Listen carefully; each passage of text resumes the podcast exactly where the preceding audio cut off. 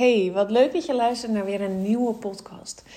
In mijn podcast heb ik het natuurlijk over het algemeen, over hormonen en alles wat daarbij komt kijken. En ik zat dus eventjes door dat lijstje heen te scrollen wat ik allemaal aan podcast heb opgenomen en wat ik allemaal nou nog op mijn telefoon heb staan of nog niet gepubliceerd heb. En het viel me eigenlijk direct op dat er eentje ontbreekt in dat lijstje. En dat is er eentje die de laatste tijd heel vaak besproken wordt in mijn praktijk. En die gaat over het loskomen van synthetische hormonen. Dat klinkt natuurlijk een beetje vaag of een beetje groot eigenlijk. Een beetje groot is trouwens niet helemaal uh, juist Nederlands. dat kan niet.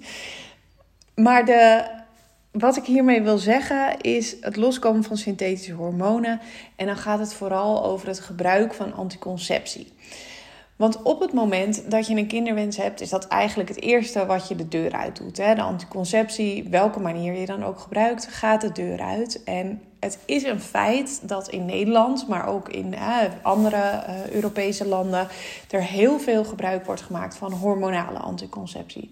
Dus wij kiezen omdat het wellicht makkelijker is, of omdat dat de enige keuze is die ons vroeger gegeven is, eigenlijk veel vaker voor hormonale anticonceptie dan dat we kiezen voor een natuurlijke anticonceptie. Daar is in basis, ja, ik heb daar wel een mening over en we kunnen er allemaal over zeggen dat daar misschien iets mis mee is, maar dat is wat het is. Dat ik zelf uh, 14, 15 was, uh, zei mijn moeder ook tegen mij: Joh, ga maar naar de huisarts. Ik had veel last van mijn menstruatie. En daarnaast kom je op een leeftijd dat je meer interesse krijgt in jongens hè, vriendjes, uh, seksueel actief gaat worden. Nou, dan zijn je ouders daar om ervoor te zorgen dat de kans op een zwangerschap op die leeftijd verkleind wordt. Want hè, dat is nou eenmaal niet heel wenselijk. Dus wat er dan gebeurt is, in mijn geval, ik ging naar de huisarts. Uh, ik zei tegen de huisarts, joh, ik heb veel pijn van mijn menstruatie. Was overigens niet helemaal het geval. Uh, maar ik wilde wel af van die puistjes op mijn voorhoofd. Uh, en ik zei, ik heb een vriendje. Was ook niet helemaal het geval. Maar ik dacht, joh, dat is wel makkelijk als ik die menstruatie zelf kan regelen. Mocht ik dan wel een relatie hebben of mocht ik seksueel actief willen zijn, dan heb ik in ieder geval zelf daar de controle over. Nou, dat was eigenlijk wat het was. Dat zei ik bij de huisarts. De huisarts zei: Prima, ik schrijf je een receptje voor. En vanaf dat moment zat ik aan de microginon 30. Um, daar zijn natuurlijk verschillen in. Hè? Bij mij, ik heb nooit gedurende de jaren dat ik aan de pil ben geweest uh, last gehad van die, uh, van die pil. Ik heb nooit doorbraakbloedingen gehad. Uh, ook geen rare dingen als dat je meer acne kreeg. Of nou ja, geen lichamelijke reacties eigenlijk. dat kan natuurlijk wel. Er zijn ook natuurlijk vrouwen, of misschien ben jij wel een van die vrouwen, die naast de pil nog heel veel verschillende varianten heeft moeten proberen om te kijken wat het beste werkte. Uh, op dat moment. Zo zijn er ook vrouwen die natuurlijk op een gegeven moment kiezen voor een spiraal. Om ervoor te zorgen dat je dus niet dagelijks die pil moet nemen. En dat de kans kleiner is om, nou ja, om te vergeten. En dus alsnog weer de kans op een zwangerschap te vergroten. Maar in ieder geval, op, op het moment dat jij die synthetische anticonceptie bent gaan gebruiken, was dat om wat voor reden dan ook. Maar heb je er waarschijnlijk nooit bij stilgestaan dat het gebruik van die hormonale anticonceptie op dat moment al invloed heeft op je eventuele kans op een zwangerschap later? Ik kan me eigenlijk niet voorstellen Um, nou ja, ik kan het me wel voorstellen. Maar als ik naar mezelf kijk, naar mijn 15-jarige of 14-jarige, ik weet niet eens precies meer hoe oud ik was. Maar naar die, die jonge ik. Als puber ben je daar niet mee bezig. Als puber ben je er niet mee bezig van, oh, stel dat ik over 10 jaar, 15 jaar kinderen zou willen, dan heeft dit effect. Daarnaast krijgen we ook die informatie niet op het moment dat we aan de hormonale anticonceptie gaan. Dus er zijn eigenlijk uh, ik zeg heel vaak eigenlijk, valt me op. Maar er zijn gewoon geen mensen in mijn directe omgeving. Er zullen ongetwijfeld wel mensen zijn. Maar in mijn directe omgeving zijn er geen mensen geweest op dat moment. die bezig waren met: oké. het gebruik van hormonale anticonceptie heeft op latere leeftijd weer invloed. Nou, dat is geen verwijt, hè? daar kan helemaal niemand iets aan doen. Maar dat het invloed heeft op ons hormonale systeem en dat het invloed heeft op de kans op een zwangerschap, daar wordt gelukkig steeds meer onderzoek naar gedaan. als ik dat helemaal ga ontleden en als ik daar heel praktisch naar ga kijken, dan is het zo op het moment dat je hormonale anticonceptie gaat gebruiken, dat je synthetische hormonen in je lichaam gaat stoppen. Nou, mocht je op dit moment in een medisch traject zitten om zwanger te raken, dan weet je wat hormonale of uh, synthetische hormonen met je lichaam doen of kunnen doen. er zijn bijna geen vrouwen die in een medisch traject zitten, uh, zware synthetische hormonen gebruiken en daar helemaal niks van merken. Uh, de een heeft daar meer last van dan de ander. Maar weet je, een klein voorbeeld al als bijvoorbeeld meer transpireren of nachtzweten of jezelf meer gaan ruiken, uh, onrustig zijn in je lijf, mood swings, dat soort dingen. Dat zijn al nou, effecten die getriggerd worden door het gebruik van synthetische hormonen. Dit soort effecten kan, kunnen ook voortkomen uit het gebruik van hormonale anticonceptie. Hoe je het went of keert, als jij synthetische hormonen in je lichaam stopt, komt daar een reactie van je lichaam op. In het geval van de pil bijvoorbeeld, was het voor mij heel fijn dat ik mijn menstruatie kon regelen. Op dat moment super praktisch en was dat precies wat ik wilde. Achteraf gezien, als ik daar nu naar kijk, is het eigenlijk niet helemaal normaal dat ik een lichaams-eigen proces, wat zo goed door je eigen lichaam bestuurd wordt, volledig kan onderdrukken met één zo'n klein pilletje. Dat ik zelf kan beslissen, iets wat ik altijd deed. Ik wil op zondag ongesteld worden, want dat is fijn. Hè? Dan heb ik uh, het weekend in ieder geval meegepakt. Ik ben het weekend op stap geweest en ik word op zondag ongesteld. Dus ik heb de eerste dag, nou ja, dan lig ik toch langer in bed, want dan hè, ben ik moe van het laat thuiskomen en van het alcoholgebruik. Um, en dan heb ik in ieder geval op maandag, als ik weer naar school moet, er minder last van. En ben ik er weer vanaf op het moment dat het nieuwe weekend zich aandient en ik weer op stap wil gaan. Dus zo plande ik eigenlijk altijd de, uh, de menstruatie, of de stopweek eigenlijk. Want het is natuurlijk niet eens een menstruatie op het moment dat je uh, hormonale anticonceptie gebruikt. Um, maar zo plande ik dat altijd. En als ik daar nu naar kijk, dan is het natuurlijk super raar dat ik het hele proces van mijn lijf eigenlijk stilleg. En met het wel of niet slikken van dat ene kleine pilletje het helemaal hè, kon regelen. Datzelfde geldt natuurlijk voor een spiraal. Op het moment dat jij een spiraal in je baarmoeder laat plaatsen, dan zit er iets in jouw lichaam wat dus het hele proces gaat onderdrukken of in ieder geval tegen gaat werken, waardoor je niet hè, de baarmoeder ja, want bouwt zich niet op, waardoor er geen innesteling mogelijk is, waardoor er een zwangerschap niet mogelijk is. Maar ook daarbij, bij een, een spiraal, onderdruk je complete cyclus. Dus alles wat natuurlijk is in je lichaam, ga je met zo'n klein pilletje of hè, een spiraal, ga je eigenlijk onderdrukken. Nou, als je dat langere tijd doet, is het eigenlijk niet zo gek dat je dus komt in een fase van ontpillen. Dat het nog nodig is voor je lichaam om daar weer los van te komen. Als ik het verhaal van mijzelf hierin, uh, dat is altijd het makkelijkste voorbeeld. Maar als ik kijk dat ik dus na 14 jaar gebruik anticonceptie, ongeveer, ja, ik denk dat ik zo'n 14, 14 jaar was dat ik aan de pil ging. Misschien was ik wel 13, misschien was ik 15, om en nabij. Ik denk dat ik om en nabij de 14 jaar de pil heb gebruikt. Het is niet zo gek dat je na 14 jaar een proces compleet platgelegd te hebben, dat je lichaam weer moet gaan leren hoe dat moet. Ik bedoel, als jij 14 jaar lang niet gaat breien, dan kan jij niet in één keer breien op het moment dat je het oppakt. Het, ze zeggen altijd: fietsen verleer je niet, skiën verleer je niet, zwemmen verleer je niet. Maar als jij nooit meer gaat fietsen, dan heb jij na 14 jaar echt wel eventjes moeite op het moment dat je die fiets opstapt. En dat is dan hè, nog iets nou ja, wat je snel weer oppakt. Maar jouw lichaam heeft in, nou, in alle fases van de cyclus, alle fases die je doorloopt wanneer je een normale menstruatie zou hebben, heeft daar last van. Dus dat moet zich weer compleet herstellen. Dat kost tijd. En dat is ook een van de dingen waarvan de meeste vrouwen last hebben op het moment dat ze stoppen met anticonceptie. Zelfs al is jouw cyclus, hè, start je menstruatiecyclus vrij snel na het stoppen met anticonceptie, kan je nog steeds klachten ervaren van het ontpillen of het loskomen van anticonceptie daarin.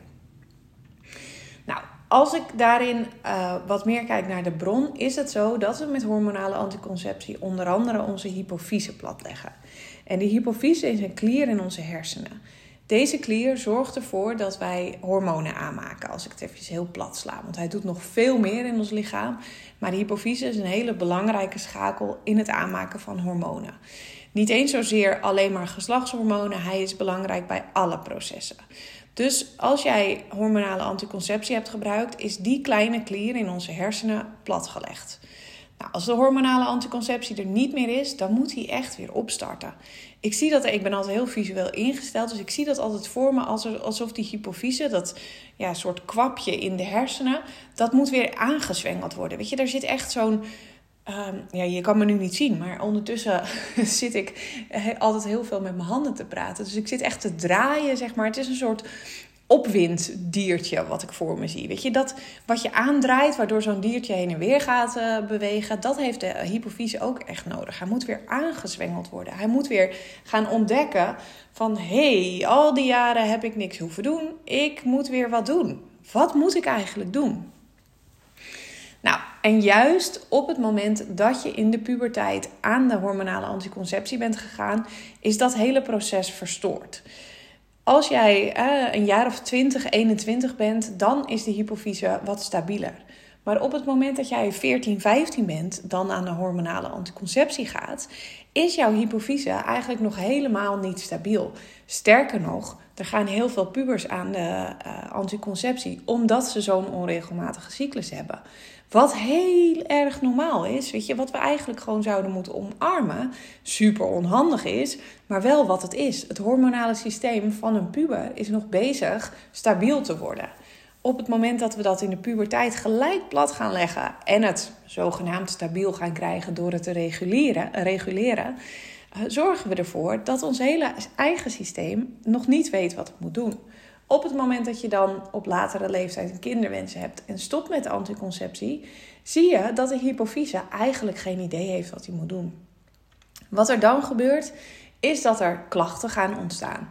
Um, vage klachten als een onregelmatige cyclus, acne bijvoorbeeld, maar zelfs ook schildklierproblemen en heftigere hormonale problemen die kunnen ontstaan, omdat de hypofyse simpelweg niet weet wat hij moet doen en daar echt nog de ruimte voor nodig heeft.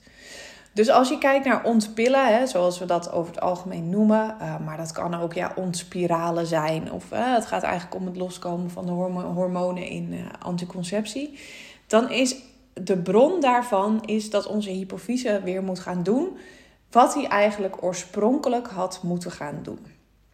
Nou, dat kost tijd. En um, ja, weet je, je ziet gewoon echt dat die tijd, die is gewoon nodig voor het lichaam om weer te herstellen. En juist doordat we hem zo verstoord hebben, is die, die hoe zeg je dat, die ontdekkingsperiode van die hypofyse, daar is hij nooit geweest. Dus dat kan je heel vaak terugzien op het moment dat je stopt met de pil. Dat daar nou ja, die verstoring zichtbaar wordt en dat je hem nu de tijd moet geven om te gaan stabiliseren. Um, tijdens het loskomen van de pil, hè, dus tijdens het ontpillen, ervaren vrouwen heel vaak verschillende klachten. Um, dat zijn niet klachten waarvan je nou direct denkt: wow, ik moet hier iets mee of ik moet hiermee naar de huisarts. Uh, maar wel klachten die heel vervelend kunnen zijn. En veel voorkomende klachten daarbij zijn bijvoorbeeld hoofdpijn. Uh, dat je merkt dat je echt wel vaker hoofdpijn hebt, dat je vermoeid bent, minder energie hebt. En eetbuien, dat is er ook echt eentje. Um, dat komt ook, hypofyse uh, zorgt onder andere bijvoorbeeld ook voor het stimuleren van je smaakpapillen. Dus het kan zijn dat je op het moment dat je stopt met de pil, dat je hele andere dingen qua smaak gaat ervaren. Dat je meer smaak hebt of dat je minder smaak hebt. Uh, wat ik zelf bijvoorbeeld heel duidelijk ervaarde dat ik stopte met de pil, was dat die waas uit mijn hoofd verdween. Ik was veel alerter, ik was er veel meer bij en ik durfde gewoon, ja, ik durfde veel meer. Um, en daarnaast libido. Het libido kan ontzettend anders zijn. De pil onderdrukt nou eenmaal de geslachtshormonen en dus ook onze seksuele voorkeur daarin. Nou, als je eenmaal los bent gekomen van die pil, dan zal je zien dat je ook echt je lichaam gaat herstellen. Je gaat dan ook veel minder positieve dingen ervaren. Je zal zien dat je energie bijvoorbeeld meer terugkomt. Zijn vrouwen die uh, gewicht verliezen, uh, dat afgevlakte gevoel verdwijnt. En wat ik net al zei, hè, dingen als libido, dat gaat gewoon weer veel beter. En dit komt omdat je eigen hormonen weer terug zijn en dat ze steeds beter in balans komen. En nou is het super lastig om te zeggen van joh, hè, hier staat zoveel tijd voor of hier moet je zoveel de tijd voor nemen. Uh, dat verschilt per lichaam. Dat verschilt echt ontzettend per persoon. En dat is ook heel erg afhankelijk van hoe bijvoorbeeld jouw darmgezondheid is. Of hoe jouw levergezondheid is. Dingen waar je niet direct grip op hebt. Of waarvan je nu niet denkt: oh ja, daar ben ik heel erg mee bezig. Um, maar de lever bijvoorbeeld is een heel belangrijk orgaan wat ons helpt bij het afscheiden van synthetische hormonen. Die zorgt ervoor dat wij echt gaan ontgiften, dus loskomen van de troep in ons lichaam. Nou, werkt jouw lever niet optimaal, kan je je voorstellen dat het dus langer duurt voordat de uh, gifstoffen uit de uh, hormonale anticonceptie je lichaam uit zijn. Ik ga ondertussen even een slokje nemen, want je hoort al dat ik best wel wat schor aan het worden ben, voordat ik zo meteen in een hoestaanval uh, beland. Wat heel erg belangrijk is, is het ondersteunen van je lichaam in het loskomen van anticonceptie. En dan bedoel ik niet zozeer dat je je lichaam fysiek, maar echt dat je er naar gaat kijken. Wat kan ik doen om op een hoger niveau die hypofyse te ondersteunen? Deze klier in je hersenen, weet je, het is niet zo simpel dat je daar bepaalde voedingsstoffen voor moet eten. Maar het werkt echt normaal gesproken werkt het naar beneden. Hè? De hypothalamus, hypofyse. En dan komen er hormonen in ons lichaam. En dan komen er processen die in gang gezet worden. Maar eigenlijk wil je hem nu andersom stimuleren. Dus de processen zijn er. Maar die processen wil je verbeteren. En hoe beter die processen gaan, hoe makkelijker het signaaltje ook weer teruggaat naar de hersenen. Van hé, hey, de processen gaan soepel. We hebben daar voldoende uh, hormonen ingezet. Het is een soort ja, we noemen dat het feedback systeem. Dus op het moment dat er genoeg is, dan wordt de productie geremd. Is er tekort, wordt de productie aangestuurd. Het werkt continu naar een balans toe eigenlijk. Nou, heb je voor langere tijd hormonale anticonceptie gebruikt, dan is het sowieso belangrijk, wat ik net al zei, om je lever maximaal te gaan ondersteunen. En de lever ondersteunen is echt ontzettend belangrijk, omdat je die gifstoffen kwijt wilt je lichaam ondersteunen om los te komen van die gifstoffen is nou, eigenlijk het grootste cadeau wat je je lichaam daarin kan geven. Als ik de lever zeg, dan krijg ik eigenlijk altijd ook de opmerking: gaat het over alcohol? Ja, het gaat ook over alcohol, uh, maar het is veel breder dan dat. Wij belasten onze lever ook met onjuiste voeding. Uh, wij belasten onze lever met stress. We belasten onze lever op het moment dat onze darmen niet gezond zijn. Dus het gaat veel verder dan alleen oh, maar ik drink geen alcohol meer. Ehm, de lever doet veel meer processen in het lichaam en is super belangrijk om gewoon extreem goed te ondersteunen daarin. Nou, je bereikt daarmee dat je lichaam gaat ontgiften. Uh, en dat je dus de overtollige hormonen die nog in je lichaam zitten uh, en belastend zijn, dat je die kwijtraakt. Een super simpele tip daarvoor is om je lichaam onder andere te voorzien van de B-vitamines, uh, maar ook om magnesium in te zetten. Magnesium is als mineraal eentje die heel goed ondersteunen kan in het lichaam. En als je voldoende magnesium in je lichaam hebt, dan zal je zien dat de ondersteuning en het rust in het lichaam veel beter wordt. Nu ben ik niet per se een voorstander van zomaar magnesium aan supplementen slikken. Uh, ten eerste omdat er heel veel varianten van magnesium op de markt zijn. En je dan dus nog niet weet welke variant je nodig hebt. Um, en daarnaast omdat er ook van magnesium heel veel troep op de markt is. Magnesium is al, mag, al magnesium heten uh, als er bijvoorbeeld in uh, bordkrijtjes, ouderwetse bordkrijtjes, daar zit ook magnesium in. Dat kan dus als vulstof gebruikt worden in een magnesiumsupplement. Nou, zou mijn advies dus niet zomaar zijn om lukraak magnesiumsupplementen te gaan slikken. Sowieso, als je klachten ervaart van het ontpillen, loskomen van hormonale anticonceptie, dan zou ik je altijd aan willen raden om daarmee te beginnen. Met dus echt naar de bron te gaan. Dus ga naar een goede ortomoleculair specialist. Ga naar een hormoonspecialist. En laat in basis ook een bloedtest uitvoeren. Uh, daarmee krijg je gewoon inzicht in wat er speelt in jouw lichaam, welke tekorten je hebt en kan je die eerste stappen zetten. Kijk, dit zijn de eerste stappen, um, die kosten geld. Daar kunnen we heel simpel over zijn. Uh, dit soort dingen inzetten, naar uh, specialisten gaan daarover. Dat gaat geld kosten. Nu kan je zeggen, joh, ik wil dat niet. Ik wil het zelf gaan proberen. Dat is allemaal prima en dat moet je ook zeker doen als je dat wil. Uh, maar weet dat je daarmee de processen niet zo snel op gang hebt als dat je je goed laat adviseren. Uh, en ja, een ortomoleculair specialist of een bloedtest of een hormoonspecialist, hè, dat kost geld. En ja, weet je, dat heeft niet iedereen. Uh, vandaar dat ik ook dus hè, de tip geef om dan wel ook wat dingen zelf te gaan doen. Um, maar weet ook dat het je heel veel oplevert. Want als jij loskomt van deze synthetische hormonen, uh, dan heeft jouw lichaam veel meer rust en gaan jouw eigen hormonen weer ervoor zorgen dat het hele proces voor voortplanting veel soepeler gaat. Um, dit was een zijstapje die ik niet, uh, niet gepland had. Uh, maar wat ik nog over de magnesium wilde zeggen, is waar ik een wel een heel erg voorstander ben, is om dat super praktisch te houden en te gaan werken met een magnesium badzout bijvoorbeeld. Daarvoor hoef je geen lichtbad te hebben. Als je dat wel hebt, heel fijn. Twee tot drie keer in de week in een magnesium badzout uh, in bad. Zorg je ervoor dat je het opneemt via de huid. Super goed voor het lichaam, super goed voor de hormonen en ter ondersteuning van de afbraakprocessen. Uh, maar heb je nou geen lichtbad, doe het dan praktisch met bijvoorbeeld een voetenbadje. Twee tot drie keer in de week. Nou, met een voetenbadje zou ik het iets vaker doen. Dus vier keer in de week een voetenbadje. Um, kan gewoon terwijl je bijvoorbeeld televisie zit te kijken of als je thuis aan het werk bent, zet je je voeten in een voetenbadje met goed magnesiumzout en neem je het ook op via de huid. Nou, en wat is dan een goed magnesiumzout? Um, ga daar ook bij niet lukraak iets kopen. Ik had laatst, laatst iemand in de praktijk, uh, die had het bij een welbekende uh, prijsstuntdrogist gekocht. Um, had een magnesiumzout gekocht en we keken achterop uh, de ingrediënten. En achterop stond 30% magnesium. Ik ben dan ontzettend benieuwd, wat is dan die overige 70%? En dan lig je dus eigenlijk in hè, een vrij duur product, omdat het niet je geeft wat je wil. Uh, het geeft je niet het resultaat wat je wil bereiken. En je hebt ook gewoon dus eigenlijk maar 30% magnesium gekocht en 70% vulstof.